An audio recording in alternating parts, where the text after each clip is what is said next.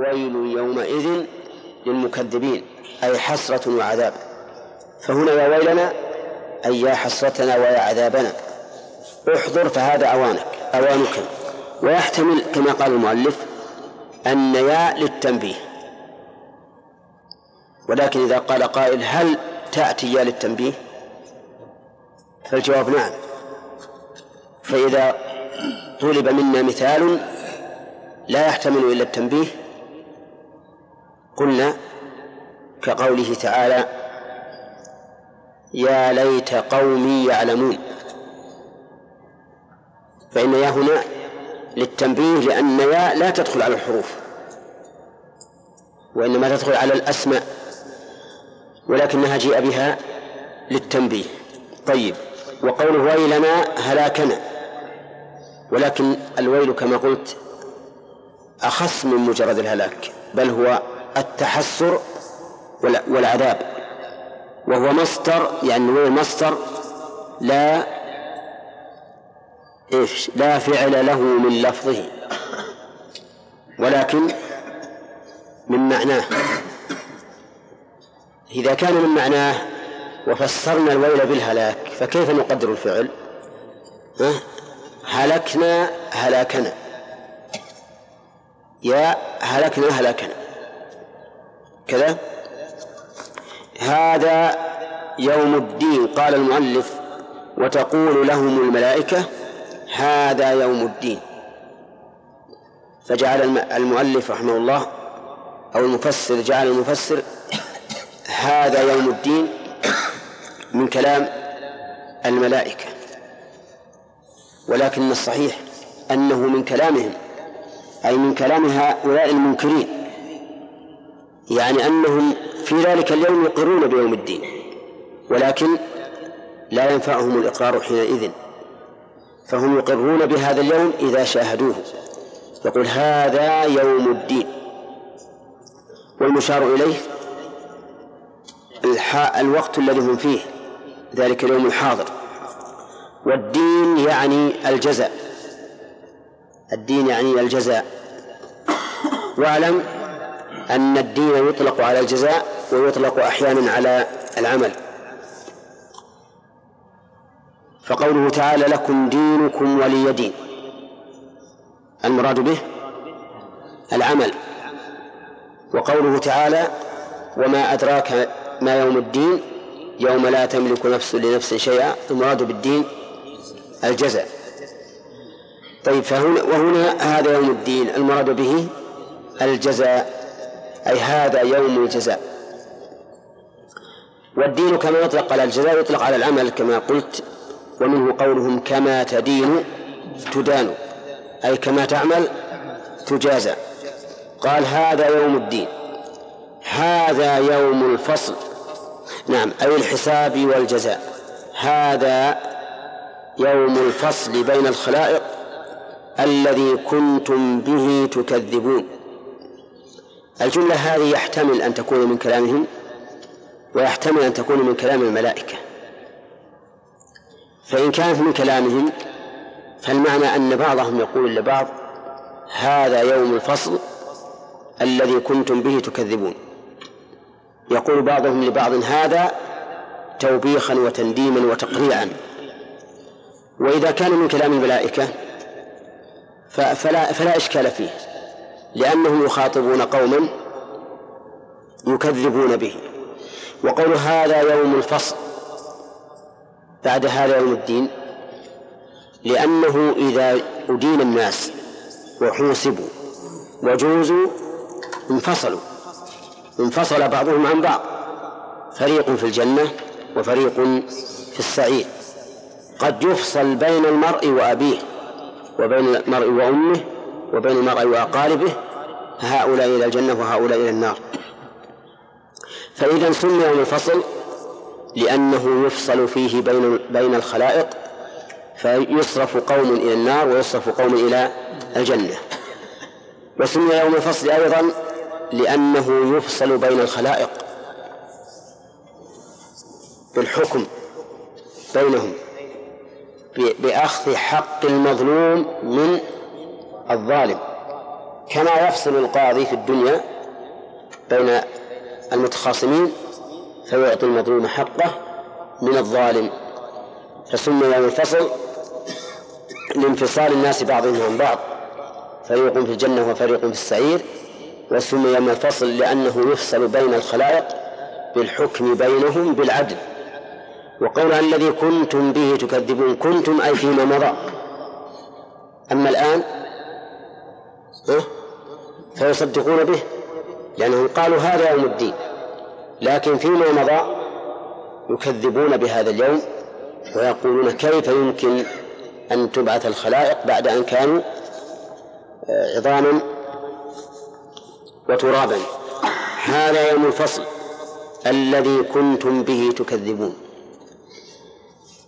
فإذا قال قائل ما الفائدة من قوله الذي كنتم به تكذبون؟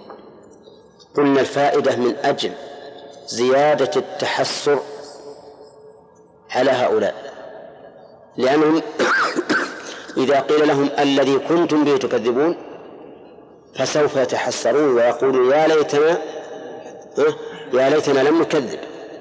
فيكون في هذا زيادة ألم في نفوسهم. هذه من جهة. من جهة أخرى التوبيخ. توبيخ لهؤلاء. ولومهم على تكذيبهم حيث كذبوا بالحق. ففي ذلك إذن فائدتان. الفائدة الأولى زيادة التحسن فيهم. والفائدة الثانية التوبيخ واللوم على تكذيبهم بالحق. هذا المفصل الذي كنتم به تكذبون ويقال للملائكة احشروا الذين ظلموا أنفسهم بالشرك وأزواجهم قرناءهم من الشياطين وما كانوا يعبدون من دون الله أي غيره من الأوثان فاهدوهم دلوهم وسوقوهم إلى صراط الجحيم طريق النار. أعوذ بالله. احشروا الذين ظلموا. الخطاب هنا من الله والعلم عنده إلى الملائكة. ومعنى أحشروا أي اجمعوا كما قال تعالى يوم يجمعكم ليوم الجمع ذلك يوم التغابن وسمي يوم الجمع وسمي يوم الحشر لأن الناس يحشرون فيه ويجمعون. وقولها الذين ظلموا أنفسهم بالشرك. ينبغي أن يقال الذين ظلموا أنفسهم وظلموا غيرهم. لأن الله لأن الله سبحانه وتعالى حذف المفعول به. وحذف المفعول به يؤذن بماذا؟ بالعموم. فهم في الحقيقة ظلموا أنفسهم وظلموا غيرهم ولا سيما الرؤساء منهم الذين أضلوا أتباعهم. فإنهم ظلموهم بتلبيس الحق بالباطل وإضلالهم. الذين ظلموا وأزواجهم. قال المؤلف قرناءهم من الشياطين. وكل زوج قرين. ومنه الزوج وزوجته فإنهما قرينان. وقيل المراد بالأزواج الأصناف والأشكال. ومنه قوله تعالى وآخر من شكله أزواج أي أصناف. والمعنى متقارب لأن لأن الغالب أن القرين من جنس المقارن. كما جاء في الحديث عن النبي صلى الله صلى الله عليه وسلم أنه قال المرء على دين خليله فلينظر أحدكم من يخالل. احشروا النار وأزواجهم وما كانوا يعبدون. أي والذي كانوا يعبدون. متى؟ ها في الدنيا. ولهذا أتى بالفعل الماضي كانوا يعبدون أي في الدنيا. وجملة كانوا يعبدون صلة الموصول. والعائد محذوف وتقديره وما كانوا يعبدونه من دون الله. وقول المؤلف من الأوثان إذا قال قائل كيف تحشر الأوثان وهي جماد؟ ليس عليه حساب ولا عقاب. فالجواب أنها تحشر إلى النار وتلقى في النار إهانة لعابديها. أما هي فلا شعور لها لا تشعر بإهانة ولا كرامة ولكن عابديها هم الذين يشعرون بالإهانة إذا كانت معبوداتهم تلقى في النار. فتلقى هذه المعبودات في النار إهانة لعابديها وبيانا لكونها لا تنفعهم في أحوج ما يكونون إلى نفعها. وقوله وما كانوا يعبدون من دون الله هذه الآية عامة.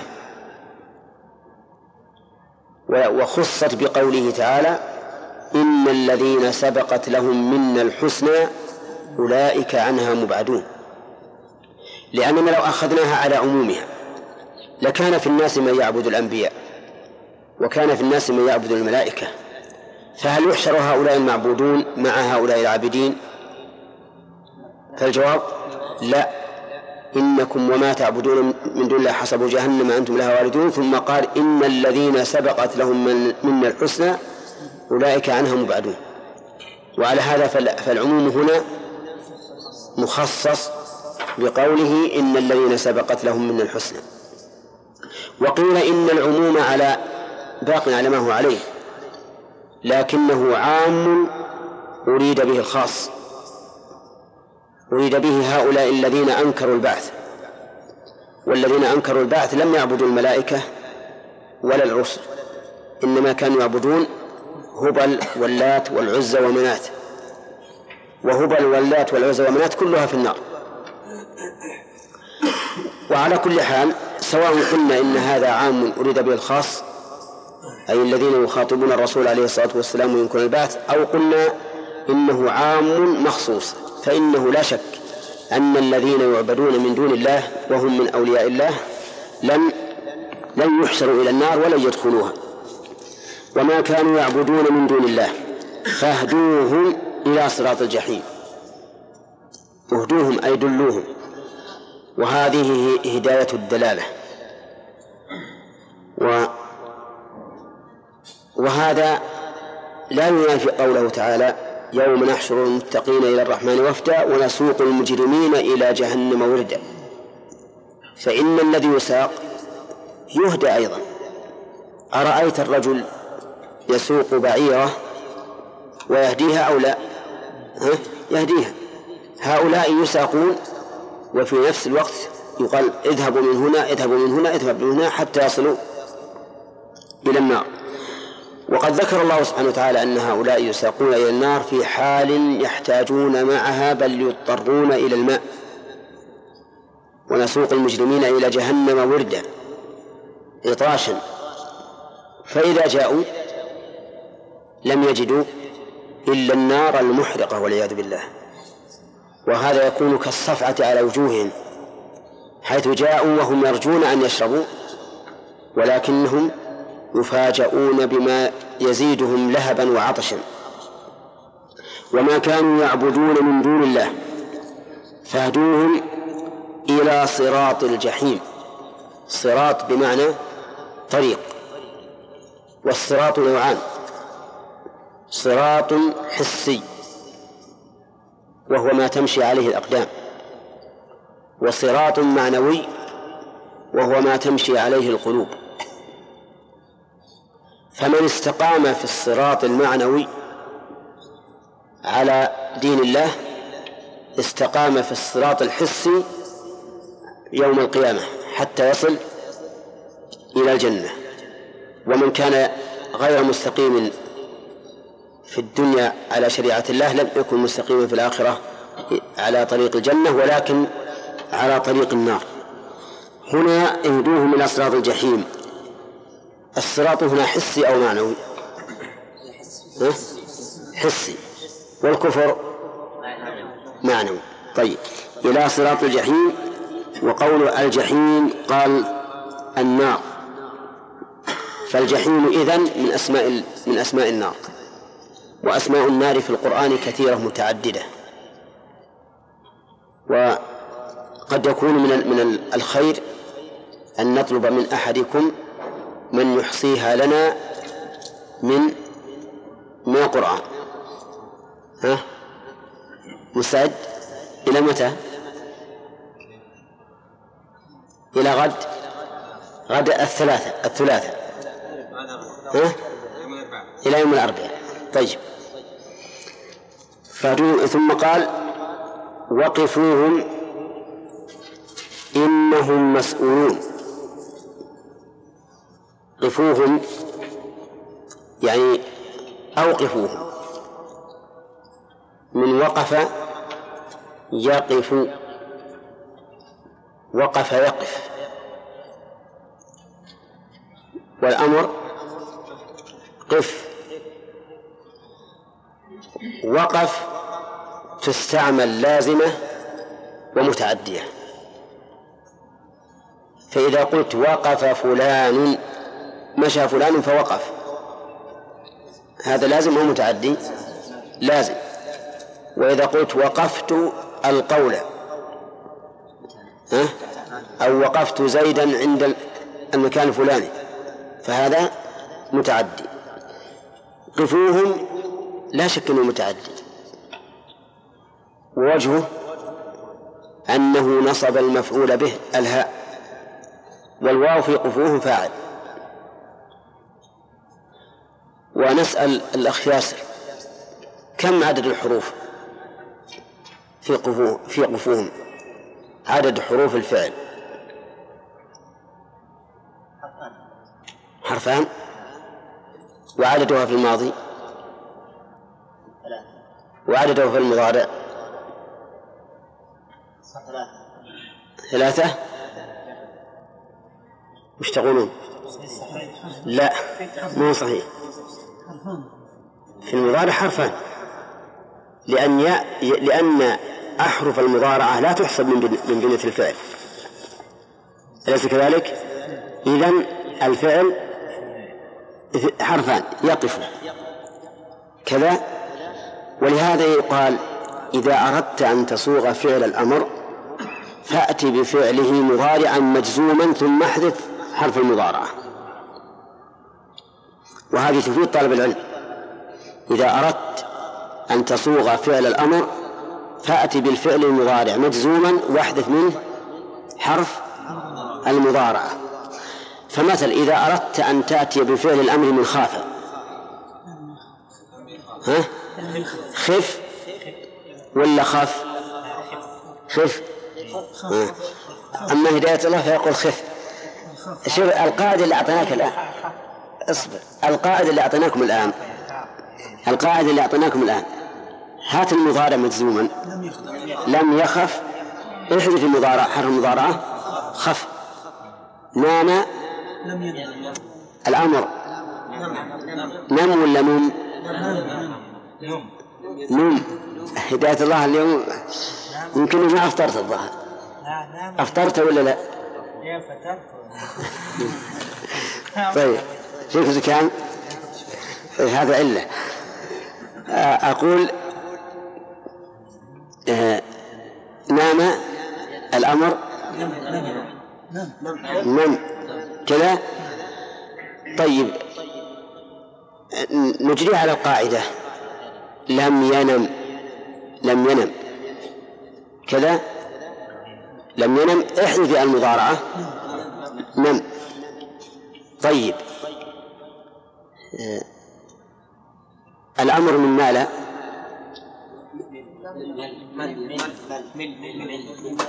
من؟ طيب آه، ما شاء الله لا حول ولا قوة إلا الأمر من مال من؟ طيب الدليل. طبق هذه القاعدة. لم يمل؟ احذف المضارعة. مل. صح؟ طيب فهمنا القاعدة الآن. وهي قاعدة تيسر لك لأن أحيانا الإنسان يستنكر كيف نم. فعل أمر تقول نم. ولما تقول نم. خف. ولما تقول خف. خف الله. الجواب لأن لأن الأمر مقتطع من المضارع. ف ف ف ووجه ذلك أنك تأتي بالمضارع مجزوما ثم تحذف حرف المضارعة طيب. الأمر من خشية. إيه؟ اخش لا. ها؟ إخشى. طيب. هات الأمر المضارع مجزوما لم يخشى لم يخشى لم يخشى إذن لا بد أن نقول إخش. إخشى. لماذا؟ لأنه لا يمكن أن تبدأ بالسكون.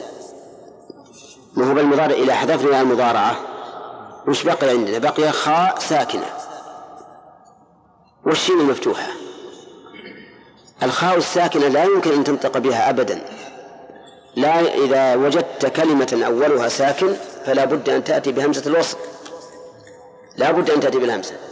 فتقول إخشى. نعم؟ طيب وفعل الأمر من رمى؟ ارمي. لأن المضارع لم يرمي أوله ساكن لا بد أن يؤتى بالهمزة. والله أعلم. نعم. بالنسبة للكسر والفتح لما نقول أرمي؟ ها؟ همزة الوصل هذه أي نعم. لأن هذه لغة العرب. أن همزة الوصل إذا ابتدأ بها تكون ساكنة. آه مكسورة. نعم. لا أعطي من أعطى يعطي رباعي الهمزة هذه ما هي همزة الوصل همزة قطع. نعم.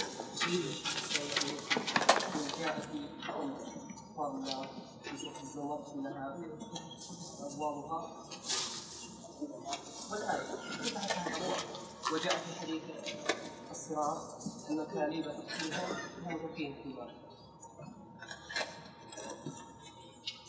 الذين يصعدون الطريق الصراط. كلهم مؤمنون. لكن عصاة المؤمنين هم الذين تخطفهم النار. إيه أما أما أهل النار الذين هم أهلها فإنه فإنهم يبصرون قبل الصراط. ما يمر الصراط لا. ما يعبر الصراط إلا من عبر الصراط في الدنيا. لكن من عبره على سبيل على وجه سليم عبر.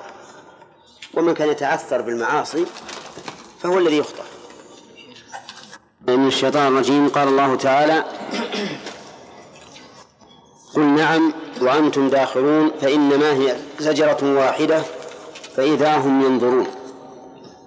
آه نعم. ما إعرابها؟ نعم. نعم. إعرابها. يا إخواني لا خلكم على صف واحد. عشان الأسئلة تكون منتظمة شوي. ما هو بس من جاء جلس. نعم. إعرابها إيه نعم. مفعول به.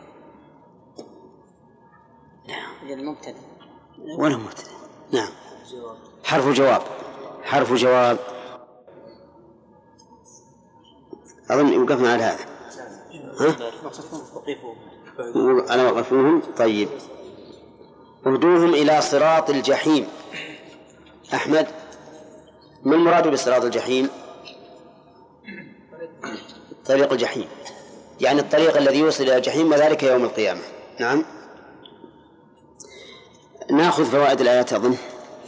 قال الله تعالى قل نعم وأنتم داخلون في هذه الآية الكريمة دليل على أهمية جواب هؤلاء الذين يتساءلون إذا ماتوا وكانوا ترابا وعظاما أيبعثون أو لا؟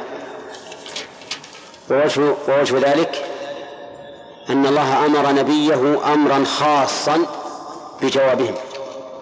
وقد ذكرنا فيما سبق أن الله إذا أمر نبيه بأمر خاص فإنه دليل على أهمية ذلك الأمر.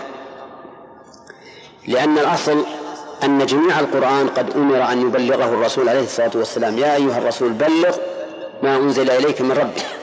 فإذا جاءت آية يقول الله فيها قل فهذا أمر خاص بتبليغها أمر خاص بتبليغها فيدل على العناية بهذا الشيء وأنه ذو أهمية. ومن فوائد الآية الكريمة أنه يجب الرد على شبهات أهل الباطل. لأن الله لم يقل اتركهم بل قال قل نعم وأنتم داخلون. ومن فوائد هذه الآية الكريمة أن المكذبين بالبعث يحشرون يوم القيامة صاغرين. لقوله وأنتم داخلون. وقد ذكرنا أثناء التفسير عدة آيات تدل على أنهم يحشرون يوم القيامة؟ أذلاء كما قال تعالى وتراهم يعرضون عليها خاشعين من الذل ينظرون من طرف خفي.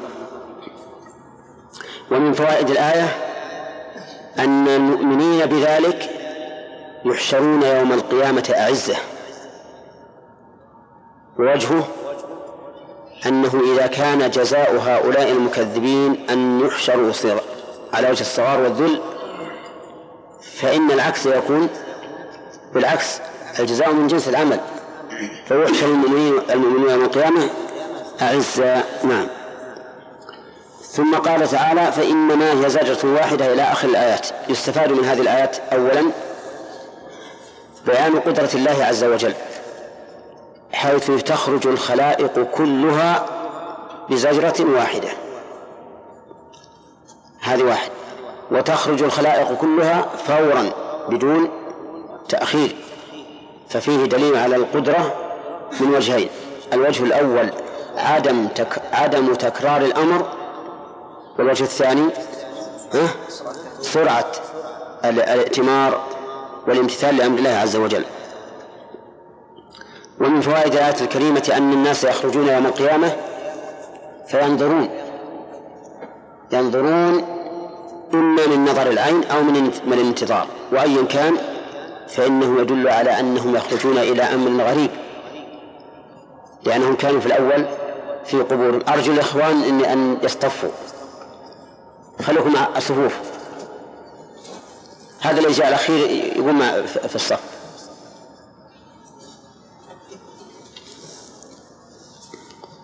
نعم. آه، يدل على أنهم يخرجون إلى أمر لم يكونوا يألفونه لأنهم كانوا بالأول في قبورهم. ثم حشروا إلى شيء غريب لم يكونوا يعرفونه من قبل لقولهم فإذا هم ينظرون. ومن فوائد الآيات أن هؤلاء المكذبين يدعون يوم القيامة بالويل والثبور والهلاك لقولهم يا ويلنا هذا يوم الدين. كما قال الله تعالى في آية أخرى لا تدع لا تدعوا اليوم ثبورا واحدا وادعوا ثبورا كثيرا. طيب. ومن فوائد الآيات تحقق هذا القول وأنه أمر واقع كالحاضر. لقولهم لقوله تعالى وقالوا يا ويلنا فعبر عن المستقبل بالماضي لتحقق وقوعه. ومن فوائد الآيات أن أن الناس يحشرون يوم القيامة فيجازون على أعمالهم. يؤخذ من قوله هذا يوم الدين. وتكون هذه النتيجة للخلائق. أن يحشروا يوم القيامة وأن يجازوا على أعمالهم وأن يكون هذا الجزاء نهائيا ليس وراءه عمل ولا دونه أجل. لقوله هذا يوم الدين ومن فوائد الآيات أن يوم القيامة يوم فصل أي حكم بين الناس وتميز وتميز من بعضهم عن بعض. يقول هذا يوم الفصل ومن فوائد الآيات أيضا تقرير هؤلاء المكذبين كقوله الذي كنتم به تكذبون. ووجه التقرير أن الإنسان إذا شاهد ما كذب به سوف يقول لمن حمله على هذا التكذيب أو أو وافقه عليه شوف انظر للي أنت أمس تقول إنه كذب ولا يقع انظر إليه الان واقعا. فيكون في ذلك زيادة في التحسر والندم على عدم التصديق بهذا اليوم. ومن فوائد الآية الكريمة أن الناس يوم القيامة يميز بعضهم من بعض ويجمع بعض الأصناف والأشكال والنظراء إلى بعض. لقوله أحشروا الذين ظلموا وأزواجهم. وهذا من الفصل الذي الذي ذكر الله في قوله هذا يوم الفصل. ومن فوائد الآية الكريمة أن هؤلاء المكذبين لا ينفعهم اجتماعهم وحشر بعضهم إلى بعض. كذا عند الله. لقوله تعالى في آية أخرى ولن ينفعكم اليوم إذ ظلمتم أنكم في العذاب مشتركون. في الدنيا إذا شاركك أحد في العذاب نفعك.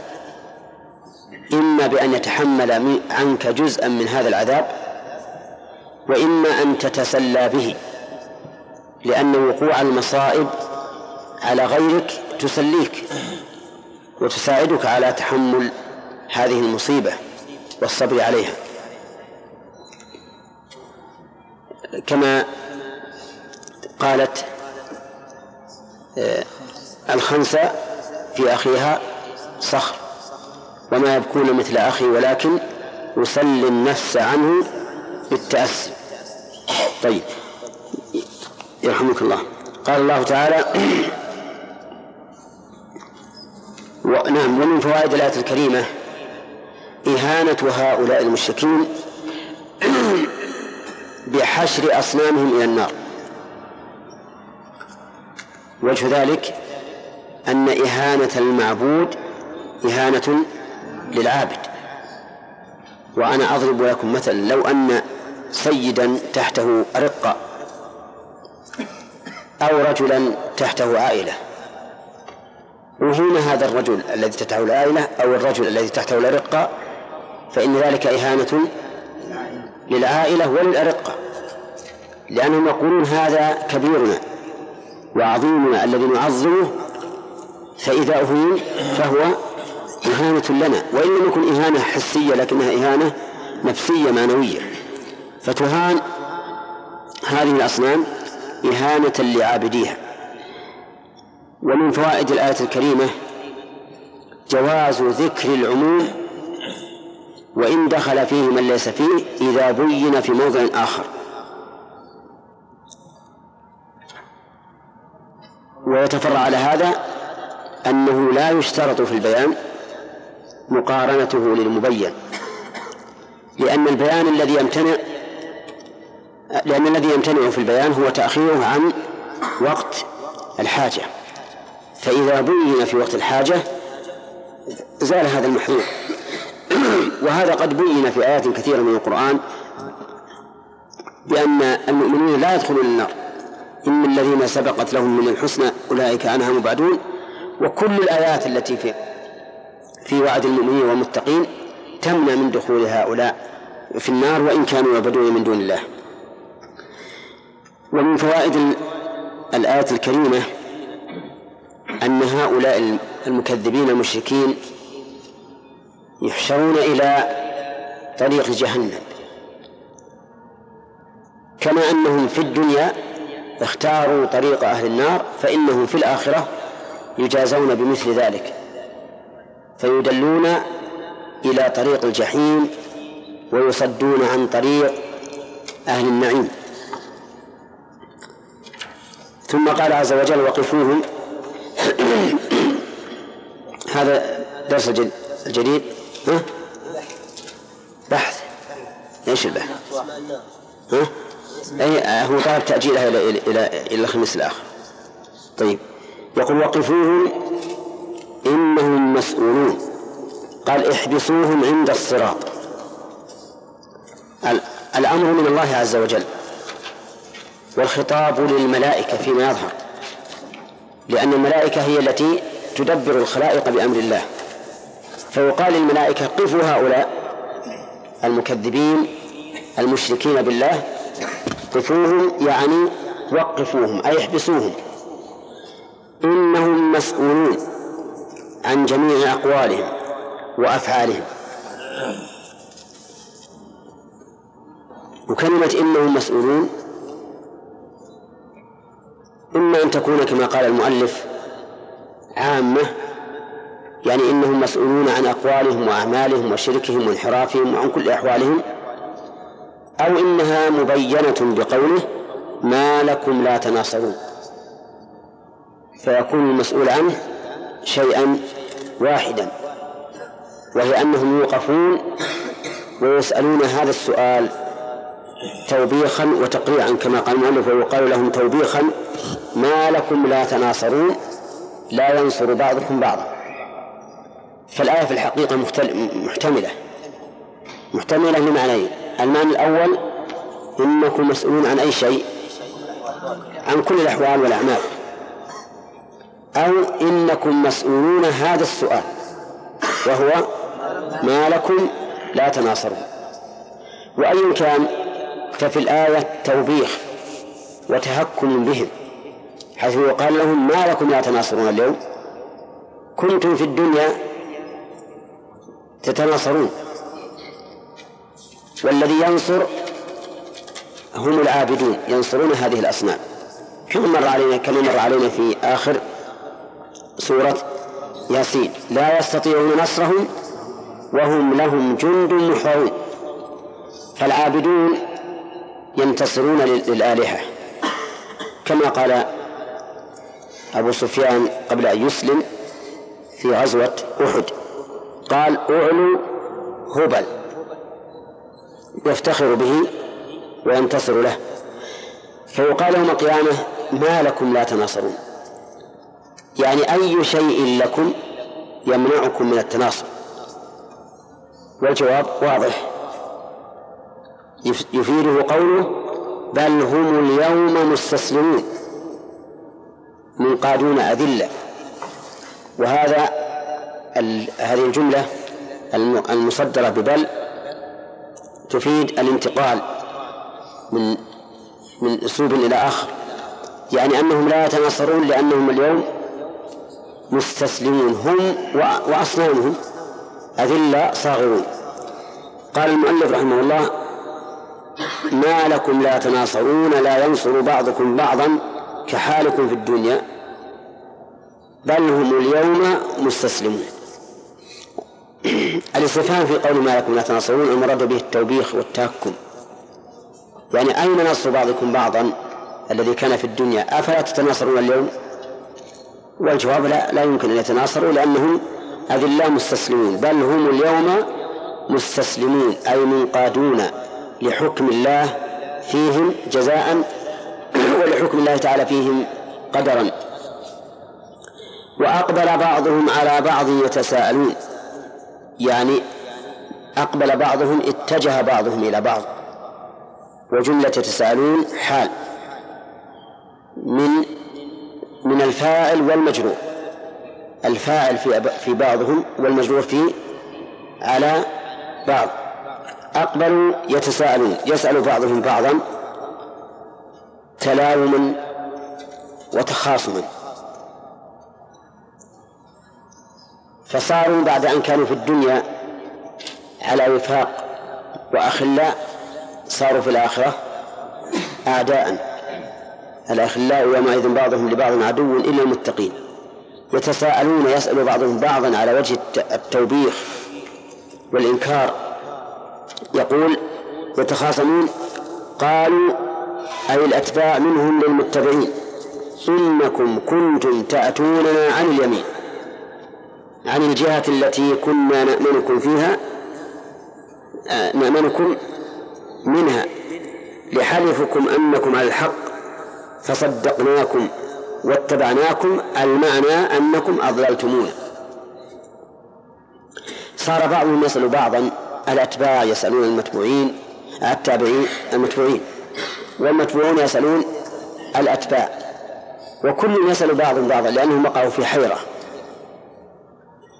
يقول بعضهم لبعض وهم الأتباع يقولون إنكم كنتم إنكم الخطاب. ها؟ للذين اتبعوا للمتبوعين.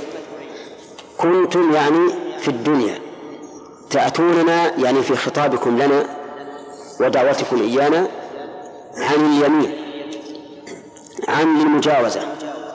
يعني تأتوننا إتيانا صادرا عن اليمين. فما المراد باليمين؟ قيل إن المراد باليمين الحلف.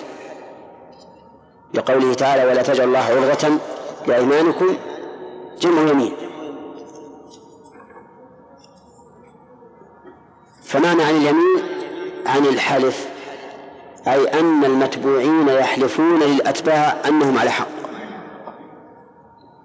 وهذا كقول الله تعالى عن الشيطان وقاسمهما إني لكما لمن الناصحين. وقيل إن المراد باليمين الخير من اليمن. وهو التفاؤل. يعني أنكم تعدوننا خيرا وتقولون اتبعونا فإنه فإنكم إن اتبعتمونا نلتم العزة والغلبة. فتعدوننا بالخير وأنتم كاذبون علينا. وقيل المراد باليمين القوة كما في قوله تعالى فأقبل وأقبل عليهم أو فأقبل عليهم ضربا باليمين. فأقبل عليهم ضربا باليمين أي بالقوة وقيل باليد اليمنى على كل حال. ها؟ ها؟ فراغ عليهم ضربا باليمين. فراغ عليهم ضربا باليمين. أحسن. طيب إذن باليمين فيها ثلاث أقوال القول الأول الحلف الثاني الخير الثالث القوة. والحقيقة أن كل هذه الوجوه واقعة من المتبوعين فهم يقسمون للأتباع أنهم على حق وهم يتكلمون منهم معهم عن طريق القوة لأنهم, لأنهم متبوعين وهم كذلك يعيدونهم بالخير يقول اتبعونا تكن لكم العزة والغلبة وما أشبه ذلك فالآية شاملة لهذه الوجوه الثلاثة. يعني يقول الأتباع للمتبوعين إنكم تأتوننا عن هذه الجهة. اليمين الحلف أو القوة أو الخير. المؤلف رحمه الله يقول في, في تفسيرها عن الجهة التي كنا نأمنكم بها. وكلامه هذا صالح للوجوه الثلاثة. لأن الناس يؤمنون إذا إذا حلفوا. ويؤمنون إذا وعدوا بالخير. ويؤمنون إذا كانوا أقوياء لأن الغالب أن الضعيف يرى أن القوي على على حق. وأنه وبلغ هذا المركز أو هذه المرتبة لكونه محقا محقا. قال الله تعالى قالوا أي المت أي المتبع؟ إيش؟ أي المتبعون عندكم المتبعون ها؟ أي المتبعون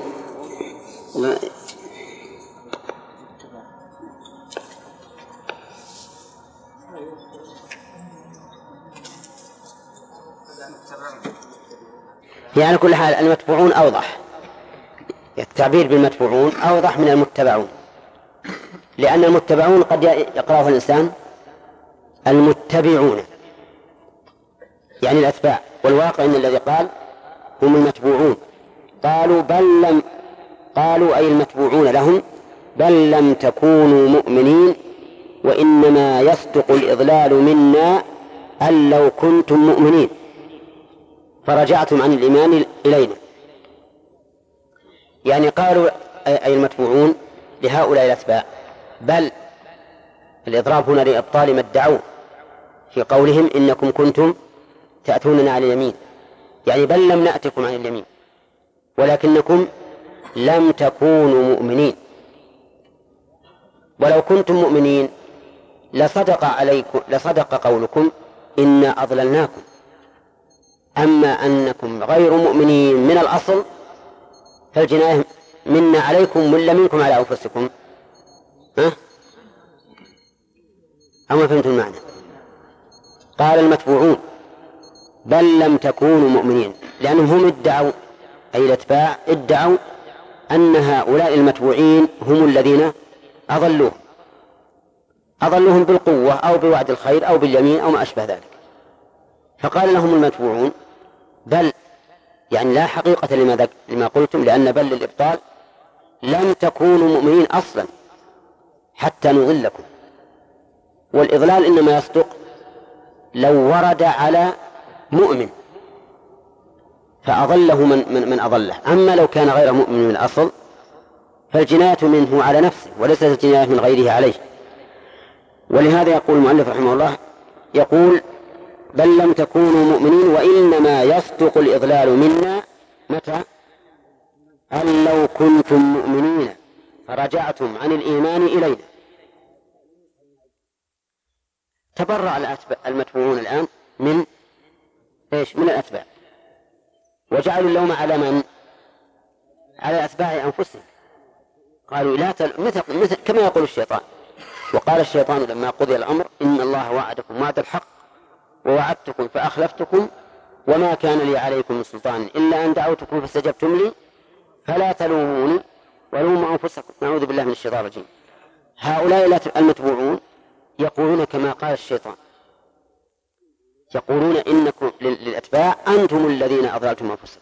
أما نحن فلم نضلكم لأننا لم نخاطب قوما مؤمنين فأضللناهم بعد إيمانهم. إنما نخاطب قوما انقادوا إلى إلى الكفر باختيارهم فاللوم عليهم لأنفسهم. أما نحن فلا. وهذا مبين لقوله تعالى إذ تبرأ الذين اتبعوا من الذين اتبعوا ورأوا العذاب وتقطعت بهم الأسباب. نعم. إيش؟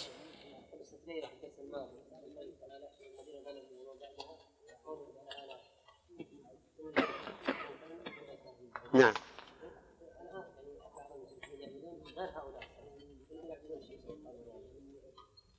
تحشر الشمس. تحشر مع يوم القيامة مع عابديها وتلقى في النار. يعني نفس القمر والشمس كذلك وكل ما يعبد من دون الله. ما يستثنى من ذلك إلا من سبقت له الحسنى فقط. نعم.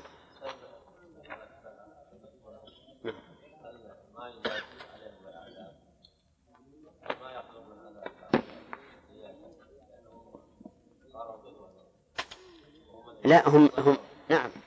هم لا شك إنه ان ان إن من سن في سنة سيئة فعليه وزره ووزر من عمل بها إلى يوم القيامة لكن هؤلاء قد أتتهم الرسل وبينت لهم وفضلوا هؤلاء الضلال على الرسل. ولهذا قال الله تعالى في سورة سبع وجعلنا الأغلال في أعناق الذين كفروا. هل يجزون إلا ما كانوا يعملون؟ أي نعم. هذا والله أعلم فيما إذا لم يكن دعوة الرسل.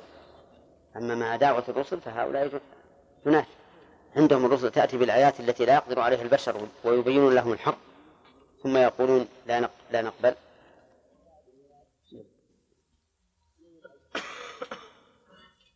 أعوذ بالله من الشيطان الرجيم. وأقبل بعضهم على بعض يتساءلون. قالوا إنكم كنتم تأتوننا عن اليمين قالوا بل لم تكونوا مؤمنين وما كان لنا تقرب شوية. أنت. ترى كونكم صوب أحسن عشان توزيع الأسئلة. نعم. وما كان لنا عليكم عليكم من سلطان بل كنتم قوما طاغين.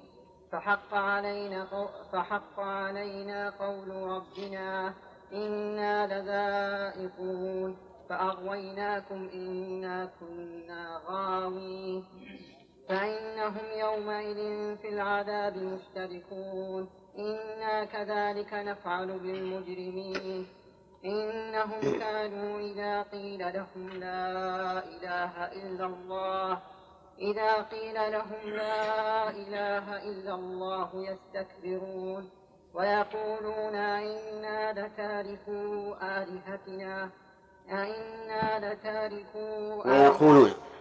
ويقولون إنا لتاركو آلهتنا لشاعر مجنون بل جاء بالحق وصدق المرسلين. بس. الحمد لله رب العالمين. أعوذ بالله من الشيطان الرجيم. قال الله تعالى وقفوهم إنهم مسؤولون ما لكم لا تناصرون. قوله تعالى قفوهم ما معناه أوقفوهم أوقفوهم أي احبسوهم واقفين على الصراط. نعم. الجملة في قوله إنهم مسؤولون شاك محلها مما قبلها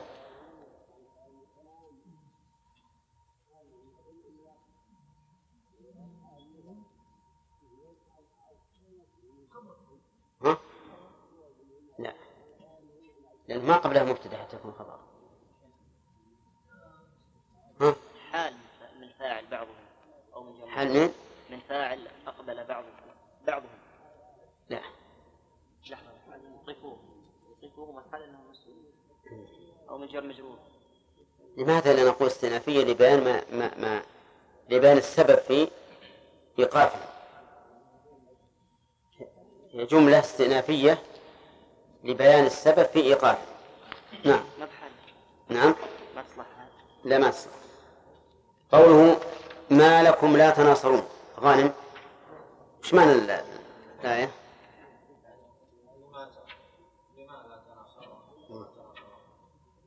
والاستفهام هنا؟ وغير وغير هذا. نعم وغير هذا. التهكم بهم للتهكم مع التقرير والتوبيخ. طيب قالوا بل لم تكونوا مؤمنين. أخذنا الفوائد نعم. ها؟ ما أخذنا. الظاهر ما أخذنا. قال الله عز وجل فاهدوهم إلى صراط الجحيم وقفوهم إنهم مسؤولون. في في هذه الآية وما بعدها فوائد. أولا أن هؤلاء المكذبين إذا سوء ساقتهم الملائكة إلى النار فإنهم يهينونهم. عدة إهانات. فيقفونهم على الصراط. يعني عنده وأنتم تعلمون أن الإيقاف وقل قف اذهب امش وما أشبه هذا. تعلمون أن هذا فيه إهانة للإنسان حيث يكون بيد غيره كالآلة. ومن فوائدها أيضا أنهم يهانون إهانة أخرى معنوية فيقال لهم ما لكم لا تناصرون. يعني أي شيء يمنعكم اليوم من التناصر بعد أن كنتم في الدنيا تتناصرون. وفي هذا من الإهانة والتوبيخ والتنديم ما هو ظاهر. ومن فوائدها أيضا أن هؤلاء في ذلك الموقف أذلة. أذلة مستسلمون. كما قال بل هم اليوم مستسلمون. وكانوا في الدنيا مستكبرين. لا يقبلون الحق بل يجادلون ويقدمون رقابهم للقتل ضد الحق والعياذ بالله. لكنهم في الآخرة مستسلمون. ومن فوائد الآية الكريمة هذه الآيات أن هؤلاء المكذبين يلوم بعضهم بعضا ويسب بعضهم بعضا.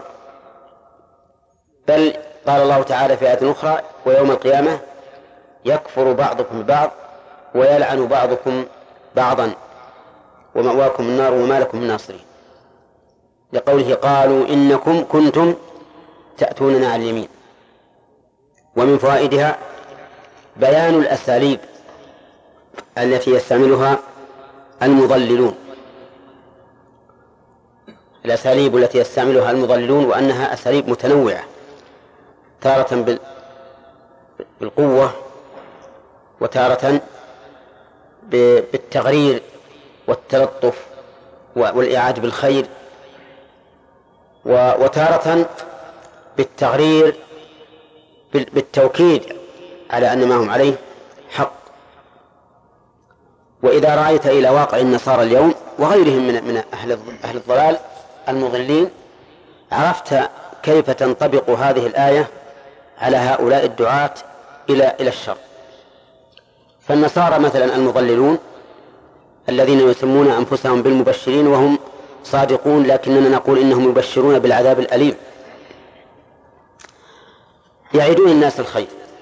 ويفتحون المدارس ويغدقون الأموال على الناس من أجل إيش؟ من أجل تضليلهم وإخراجهم ويستغلون فرصة الفقر والجهل في مثل هذه الأمور.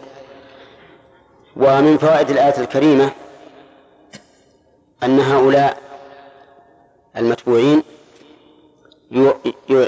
يعيدون التوبيخ على التابعين. حيث يقولون لهم بل لم تكونوا مؤمنين. فالبلاء من عند أنفسكم لا من عندنا. وفي هذا ومن فوائد الآية أيضا أن من لم يكن إيمانه راسخا فإن الدعاية الباطلة تؤثر عليه. لأن المؤمن إيمان راسخا لا لا تضلله الدعاية ولا يمكن أن يتحول عن إيمانه الذي كان عليه. لقوله بل لم تكونوا مؤمنين. ولو كنتم مؤمنين حقا إيمانا ثابتا ما أثر عليكم إضلالنا المؤمن يرضى أن يموت ولو بأن يلقى من شاهق ولا يكفر بالله عز وجل. لكن الذي إيمانه مهزهز غير ثابت ولا راسخ هذا هو الذي تضلله هذه الدعايات.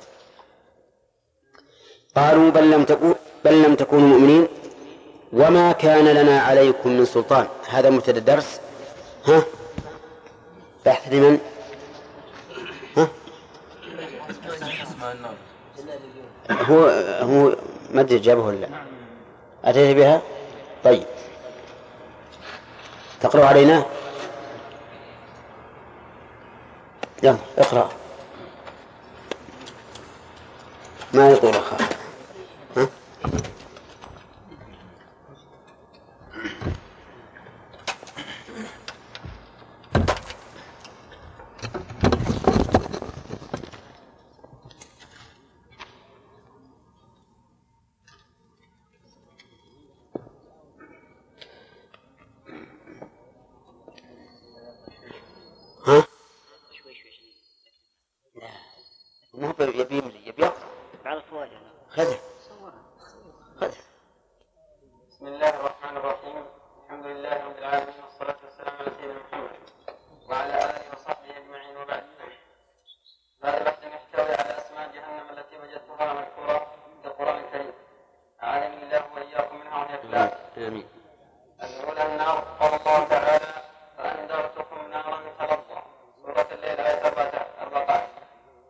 الثانية جهنم قال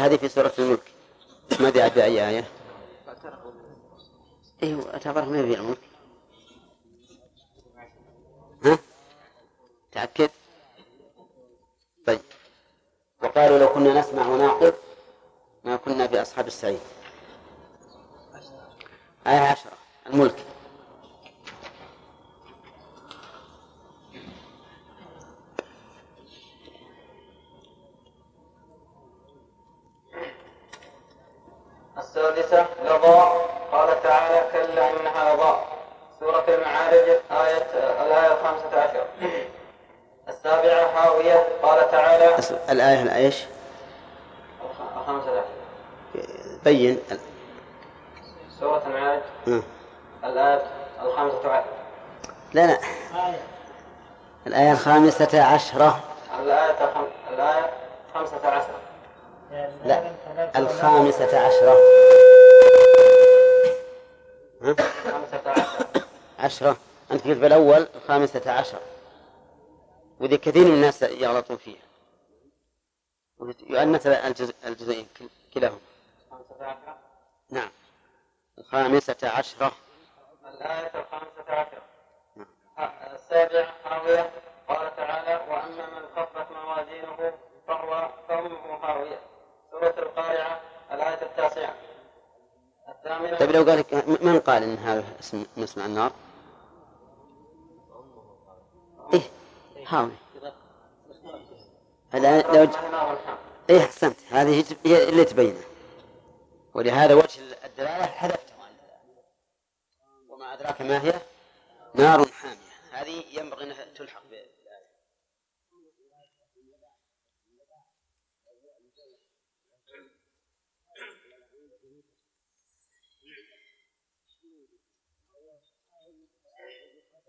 الثامنة سقر قال تعالى سأصليه سقر سورة المدثر الآية السادسة والعشرين التاسعة الحميم قال تعالى إذ الأغلال في أعناقهم والسلاسل يسحبون في الحميم ثم في النار يسجرون سورة غافر آية اثنتا وسبعون طيب هل هذا زين اسماء النار؟ ها؟ أثبت أن في حميم هي الحمام الماء الحار لأن قال ثم في النار. يصير الآية على هذا. يسجرون في النار ثم في النار يسجرون يسحبون في النار كذا؟ ثم في النار يسجرون. الظاهر أن الحميم هذه إنها ما تكون من أسماء من أسماء النار.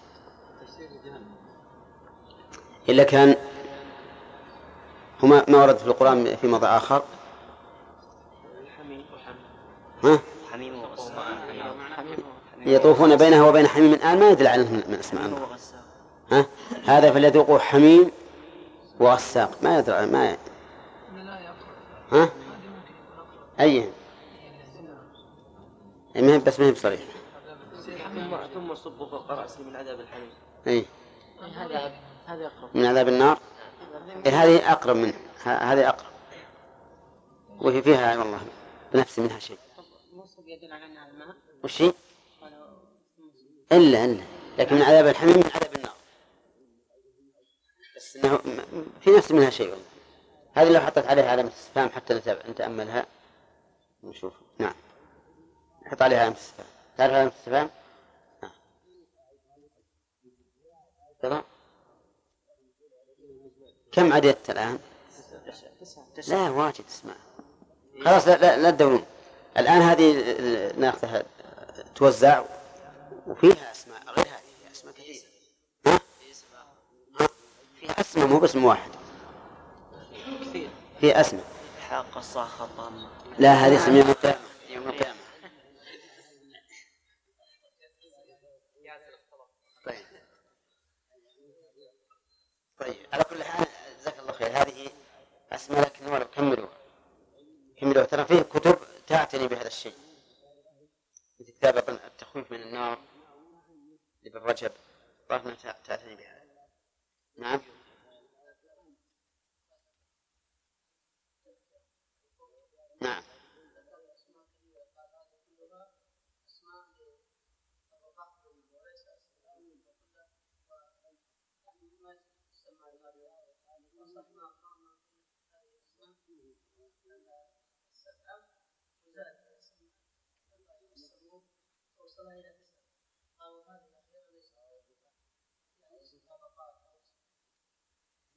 على كل هذه في أكثر من هذا أكثر من هذا تأملوها وتجد بس دورها هو الآن فتح لنا الباب جزاه الله خير. وهو بسبق الحائض تفضيلا.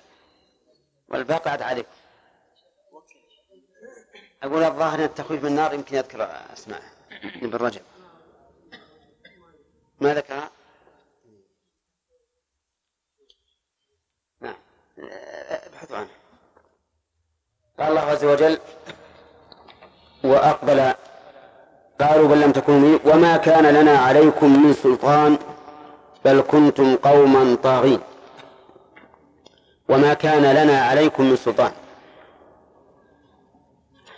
إعراب هذه الجملة واضح أن ما نافية وكان فعل ماضي ينصب المبتدأ ويرفع الخبر. ومن سلطان اسمها مؤخر مجرور بحرف من الزائد إعرابا ولنا خبر مقدم. خلافا لمن قال إنما حجازية وكان زائدة. لأنك لو قلت وما لنا عليكم من سلطان لصح الكلام. لأن كان هنا مراد مراد وجودها. لأنها تدل على فعل أو على زمن مضى. بخلاف ما لو سقطت فإنها لا تدل على الزمن الماضي. فإن الجملة لا تدل على الزمن الماضي. فيتعين هنا أن تكون ما نافية وكان فعل ماض غير زائد. قول ما كان عليكم من سلطان قال المؤلف رحمه الله أي أي من قوة قوة وقدرة تقهركم على متابعتنا. واعلم أن السلطان بمعنى السلطة بمعنى السلطة. وهو في كل موضع بحسبه. فتارة يراد بالسلطان العلم. كما في قوله تعالى إن هي إلا أسماء سميتموها ما أنزل الله بها من سلطان أي من دليل وبرهان. وتارة يراد به القدرة والقوة والغلبة كما في هذه الآية. يعني ليس لنا عليكم سلطان نقهركم حتى تتبعونا. بل أنتم اتبعتمونا باختياركم وإرادتكم. فكأنهم يقولون لا تلوموننا أو لا تلومونا ولوموا أنفسكم. كما قال الشيطان لما قضي الأمر إن الله وعدكم وعد الحق ووعدتكم فأخلفتكم وما كان لي عليكم من سلطان إلا أن دعوتكم فاستجبتم لي فلا تلوموني ولوموا أنفسكم. فهؤلاء يج... المتبوعين فهؤلاء المتبوعون يجعلون اللوم كله على الأتباع. ونحن إذا نظرنا إلى الواقع وجدنا أن اللوم يكون على الأتباع وعلى المتبوعين. أما المتبوعون فإنهم زينوا لهم أعمالهم ودعوهم واستضعفوهم واستبلهوهم حتى أملوهم إلى الباطل. وأما الأتباع فإنهم لم لم يجبروا على ذلك ولم يسخروا عليه بل هم الذين تبعوا هذا باختيارهم. فكان فكان على كل واحد من اللوم ما يتناسب وفعله. بل كنتم قوما طاغين ضالين مثلنا. بل هذه للإضراب الانتقالي لا لإبطال ما سبق بل الانتقال من شيء إلى آخر. فكرروا عليهم الآن. قالوا بالأول بل لم تكونوا مؤمنين وقالوا بالثاني بل كنتم قوما طاغين والطاغي هو الذي تجاوز حده. كما قال الله تعالى إنا لما طغى الماء حملناكم في الجارية. يعني لما تجاوز حده فهم يصفونهم بأنهم طاغون. أي مجاوزون لحدهم الذي ينبغي أن يكون عليه وهو اتباع الرسل لا اتباع هؤلاء المضلين. وقول المؤلف ضالين فيه نظر لأن الطغيان أمر زائد على الضلال. فالصواب أن الطغيان بمعنى إيش؟ المتجاوزون المتجاوزون للحد الذي ينبغي أن يكون عليه من اتباع الرسل. فحق وجب علينا جميعا قول ربنا. حق علينا أي ثبت ووجب وصار حقا ليس فيه ظلم ولا باطل. قول ربنا يعني أن كل من خرج عن طاعة الله وكذب بآياته فهو في النار. و وقوله قول ربنا بالع... نعم قول ربنا بالعذاب أي قوله لأملأن جهنم من الجنة والناس أجمعين. هذا على ما قال المؤلف هو المراد بقولهم قول ربنا وكأنه يشير إلى قوله إلى قوله تعالى وتمت كلمة ربك لأملأن جهنم من الجنة والناس أجمعين. ولكن الظاهر أن المراد بقول الله المشار إليه هو قوله لإبليس لمن تبعك منهم لأملأن جهنم منكم أجمعين. لأن الآية التي أشار إليها المؤلف فيها بيان أن الله سبحانه وتعالى قدر بحكمته أن يملأ النار من الكافرين لكن ليس فيه الخطاب الموجه للشيطان وأتباعه. لمن تبعك منهم لأملأن جهنم منكم أجمعين فإن هذا هو الذي فيه الوعيد المباشر لمن اتبع الشيطان. فتفسير قوله هنا بالآية الثانية أولى من تفسيره بما قال المؤلف. ثم قال إنا لذائقون. إنا جميعا لذائقون العذاب. بذلك القول وش بعده؟ ونشأ الليل. ونشأ عنه قولهم فأغويناكم المعلل بقوله إنا كنا غاوين. نعم. المعلل بقوله بقولهم طيب نمر عليه الآن يقول نعم. فحق علينا قول ربنا. علينا الضمير يعود على الاتباع والمتبوعين. إنا لذائقون أيضا الضمير يعود على الأتباع والمتبوعين. كأنهم يقولون إننا لم نخلص أنفسنا فكيف نخلصكم؟ ثم قال فأغويناكم يعني جعلناكم من أهل الغي. بصدكم عن طريق الرشد. إنا كنا غاوين. هذا تعليل لقوله فأغويناكم. وهنا عندكم المعلل بقوله أي بقوله تعالى. ويصح أن أن يقول المعلل بقولهم أي بقول هؤلاء الذي نقله الله عنه. فتذكير الضمير له وجه. يعني يعني إفراده. وجمع وجمعه له له وجه. فإنهم يومئذ في العذاب مشتركون. هذا من قول الله. فإنهم أي الأتباع والمتبوعون أي الأتباع والمتبوعين يومئذ يوم القيامة في العذاب مشتركون أي لاشتراكهم. في الغواية. يعني أن هؤلاء مشتركون في العذاب. كل يعذب بقدر ذنبه. ولا يظلم ربك أحدا.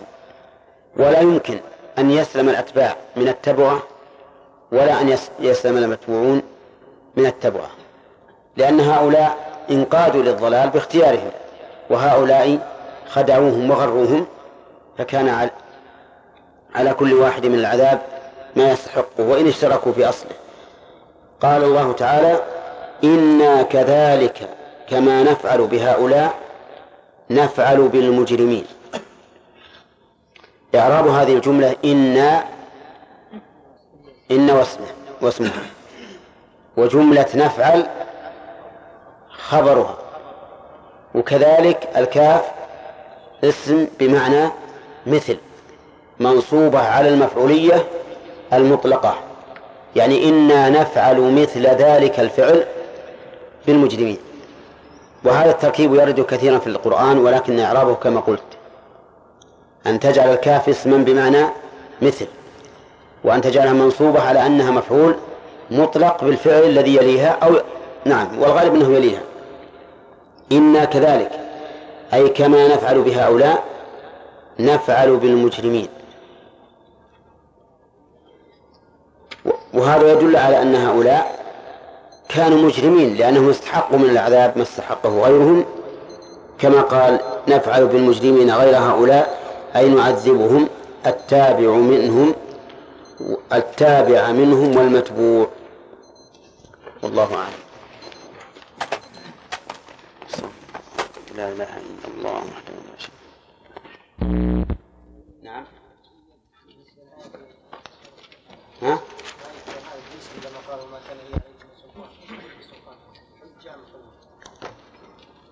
لا قوة. نعم.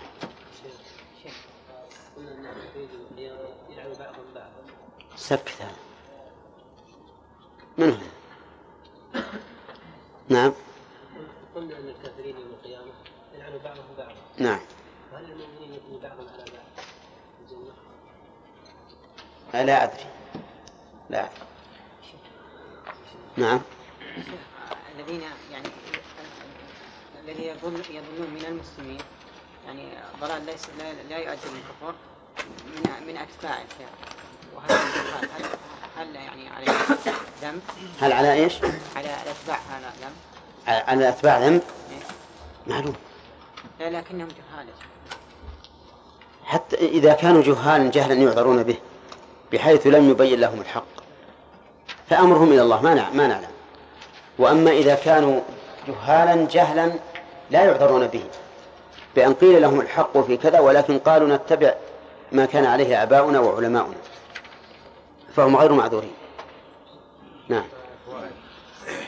دائما تكرر إن هؤلاء المكذبين. ها؟ إن هؤلاء المكذبين تكرر دائما. هؤلاء وش فائدة؟ لا لا. لأن السياق يكون خاص بقوم معينين. هذا السبب. نعم. نعم. نعم.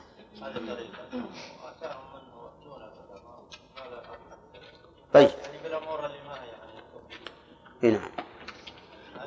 يلامون على على كل حال هم هم يتبعون من يثقون به. لكن في مسألة ال- الكفر مثل لو جاء مثل ولنفرض هذا في الرافضة مثلا. الذين يسبون أبا بكر وعمر وسائر الصحابة إلا نفرا قليلا. إذا قيل لهم كيف تسبون أبا بكر كيف تسبون الصحابة إلا نفرا قليلا؟ ليس لهم حجة أن يقول تبعنا مشايخنا وعلماءنا. لأن هذا واضح الضلال فيه واضح. أما ما لم يكن الضلال فيه واضح فقد يعذر. أي أقول ما لم يكن الضلال فيه واضحا فقد يعذر الإنسان. لأن يقول هذا قدر استطاعتي وأرى أن هذا أصوب. لكن مع ذلك نقول يجب عليك أن تتحرى. إذا جاءك من يقول هذا هو الصواب فأن تناقشه بما تستطيع إن كنت ما تستطيع وإلا تح- تحيله على على الشيخ الذي تبعته. نعم. نقول هل هل نقول الطاغين والمجرمين من المعتزلة؟ لانهم اثبتوا القول سبحانه وتعالى في قوله حق علينا قول ربنا. هذه تأتي إن شاء الله بالفوائد. تأتي بالفوائد نعم. الدرس الماضي قوله وأقبل بعضهم على بعض يتساءلون أعرب يتساءلون حال من فاعل بعضهم ومن جر مجرور على بعض. كيف كيف يكون حال من من من الجر مجرور؟ من المشهور من المجرور؟ إيه. كيف يكون تقدير تقدير يعني أنهم هؤلاء وهؤلاء. كل يسأل الآخر. نعم. الفرق بين إيش؟ طاغين مجرمين الفرق بينها أنها أوصاف متعددة. أوصاف متعددة. تقول مثلا لهذا الرجل إنه كاذب إذا كان يتحدث بكذب. وعاصي لأن الكذب معصية. وفاسق لأن الكذب يؤدي إلى الفسق. أوصاف متعددة. يعني يصح أن يوصف الواحد بعدة أوصاف. أليس كذلك؟ إي نعم. نعم متعلقة بحال طيب نقول قوله تعالى وما كان لنا عليكم من سلطان. ما المراد بالسلطان؟ لنا قوة وقدرة على نصره. على إيش؟ على إضلالكم. على إضلالكم. نعم. قوله تعالى بل كنتم قوما طاغين. خالد ما الذي نصب طاغين؟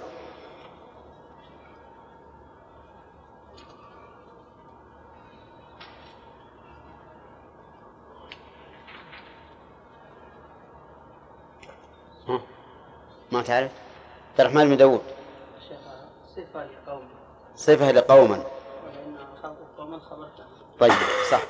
ما معنى طاغين؟ خالد. نعم.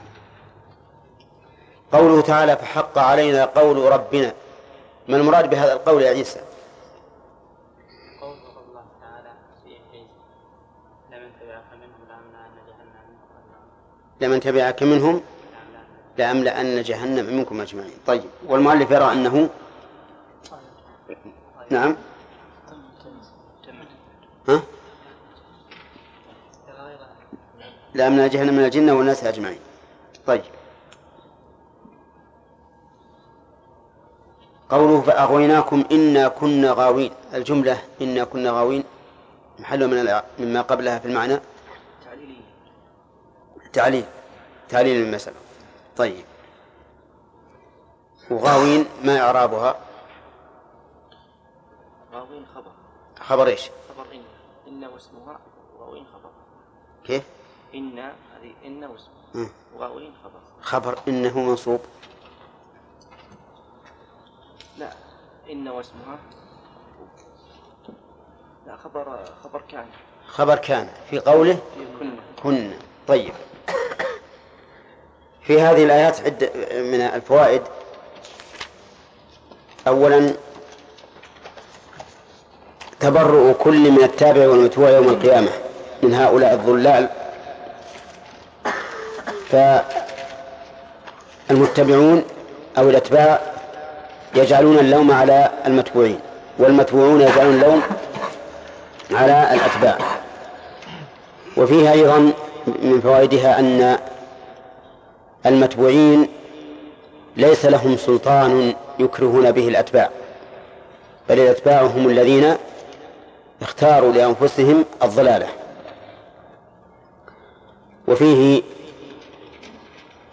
دليل على أن هؤلاء المشركين والكافرين أعلم بالواقع من الجبرية وأشباههم الذين يقولون إن الإنسان مجبر على عمله. فإن هؤلاء يقرون بأن الإنسان يفعل باختياره لقوله وما كان لنا عليكم من سلطان بل كنتم قوما طاغين. ومن فوائدها أن الأتباع يوم القيامة لا ينتفعون باتباع المتبوعين بل إن المتبوعين يوبخونهم على طغيانهم ويقول أنتم الذين تجاوزتم الحد بترككم اتباع الرسل ثم اتباعنا. ومن فوائد الآيات الكريمة من فوائد الآيات الكريمة إثبات قول الله عز وجل وأنه يقول لقوله حق علينا قول ربنا إنا لذائقون. والقول هو الكلام الذي يستفاد منه فائدة. فيدل ذلك أو يتفرع على ذلك أن كلام الله بحرف وصوت كما هو مذهب أهل السنة والجماعة. خلافا للأشعرية الذين يقولون إن كلام الله هو المعنى القائم بالنفس وأن ما يسمع من هذه الحروف والصوت فإنما هو فإنما هو مخلوق. خلقه الله تعالى تعبيرا عما في نفسه. ومن فوائد الآية الكريمة إقرار المكذبين للرسل بالربوبية لقولهم فحق علينا قول ربنا.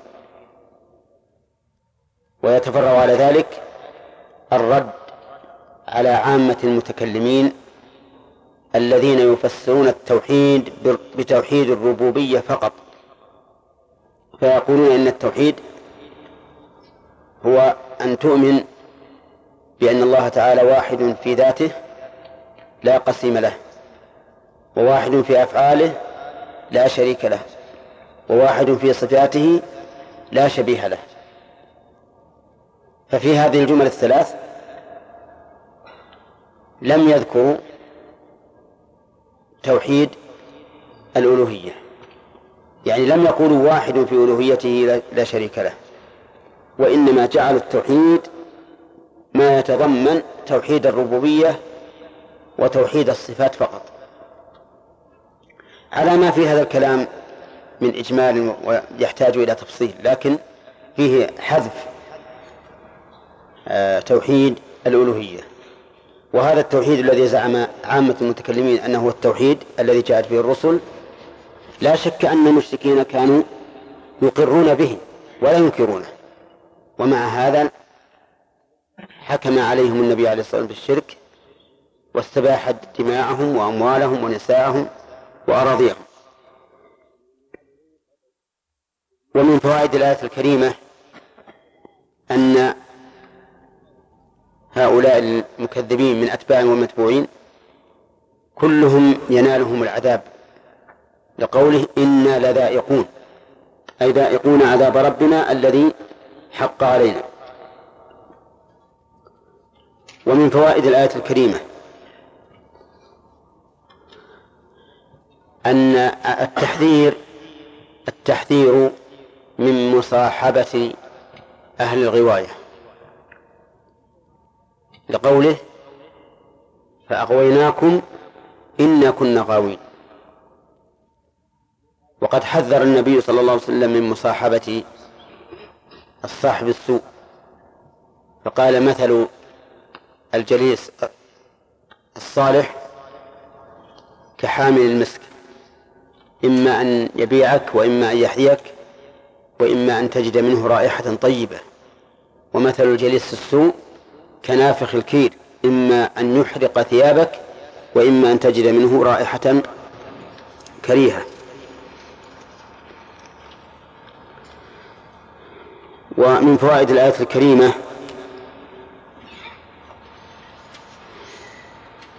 إطلاق الشيء على سببه. لقوله فأغويناكم لأنهم ليسوا هم الذين أغووهم وإنما هم سبب إغوائهم. فإن الهداية والإضلال بيد من؟ بيد الله عز وجل. لكن هؤلاء كانوا سببا لغواية هؤلاء فأضافوا الفعل إليهم في قولهم فأغويناكم إنا كنا غاوين. قال الله عز وجل في بدء الدرس الجديد فإنهم فإنهم يومئذ يوم القيامة في العذاب مشتركون. قوله فإنهم يومئذ في العذاب مشتركون. إن واسمها في إنهم ومشتركون خبرها.